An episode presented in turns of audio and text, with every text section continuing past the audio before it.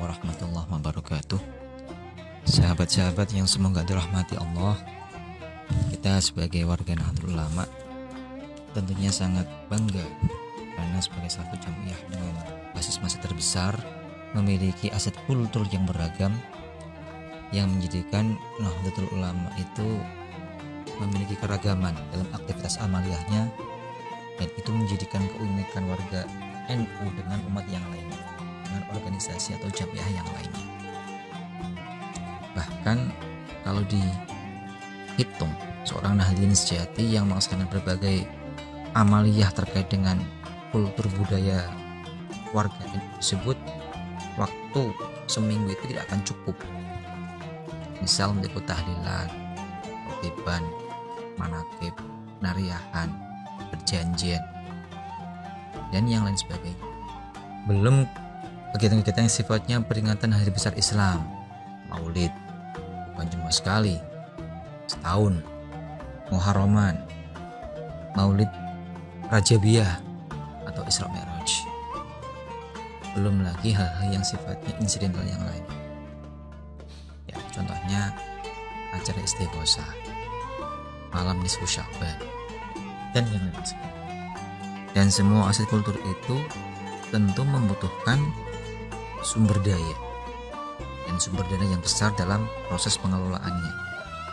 Di sinilah letak pentingnya proses pengkaderan untuk menjaga aset kultur budaya tersebut tetap berlangsung dan tidak hilang.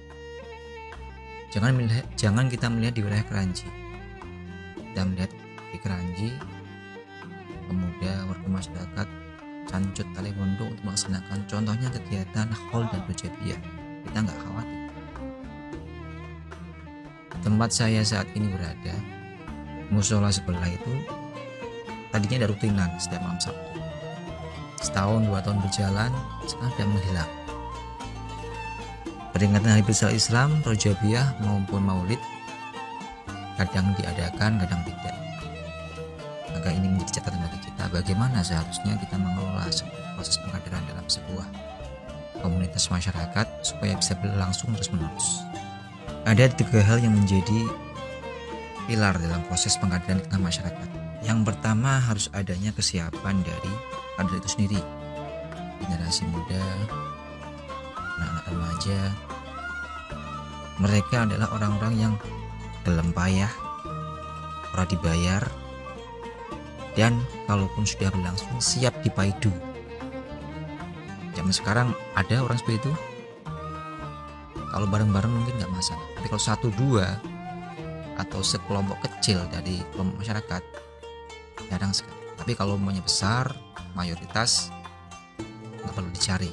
Sudah banyak orang. Yang kedua adalah adanya kesamaan visi maupun tujuan. Artinya apa? Ada power yang sebagai bahan bakar dalam menggerakkan para orang-orang ini anak-anak muda ini supaya mereka mau dan berani untuk mengambil estafet kepemimpinan dalam menggerakkan warga masyarakat dalam proses pengabdian khususnya dalam menjaga tradisi tersebut tetap berjalan. Adanya sosok yang menjadi panutan.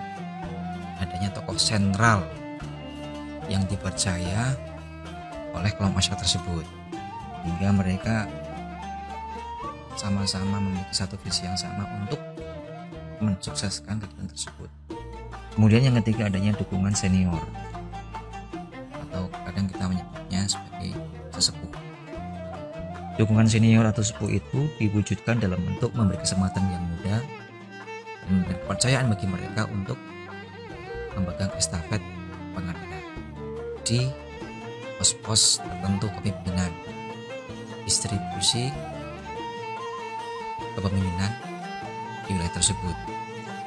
Bentuknya juga bisa diwujudkan dalam dukungan atau support yang sifatnya promotif. Contohnya anak muda diusulkan untuk memimpin, ya mengajak yang mengusulkan yang sini. Ya, jadi orang teluk itu tapi juga mengajak dan mendorong untuk bisa maju. Kita ingat orang-orang tua zaman dahulu itu sering ngajak anak muda nyari Jakarta dikenal ke karo tokoh nasional dikenalkan dengan para pejabat. Tujuannya apa? Untuk melatih mental supaya berani keluar.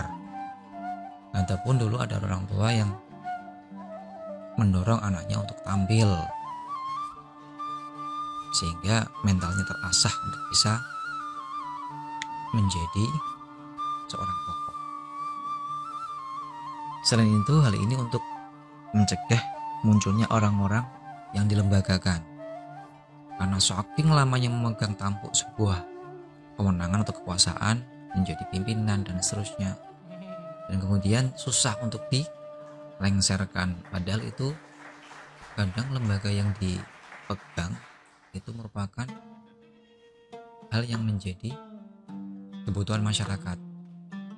Tetapi karena terkadang nyaman dan tidak mau untuk menyerahkan aset ataupun e, kepemimpinannya kepada bawahannya, nah hal-hal inilah yang tentunya harus kita antisipasi sehingga apa yang menjadi tujuan bersama dari sebuah komunitas di masyarakat itu bisa dilaksanakan dan tidak kemudian hilang sejarahnya hilang riwayatnya tanpa berkelanjutan demikian yang bisa kami sampaikan secara singkat. Kurang lebihnya maaf.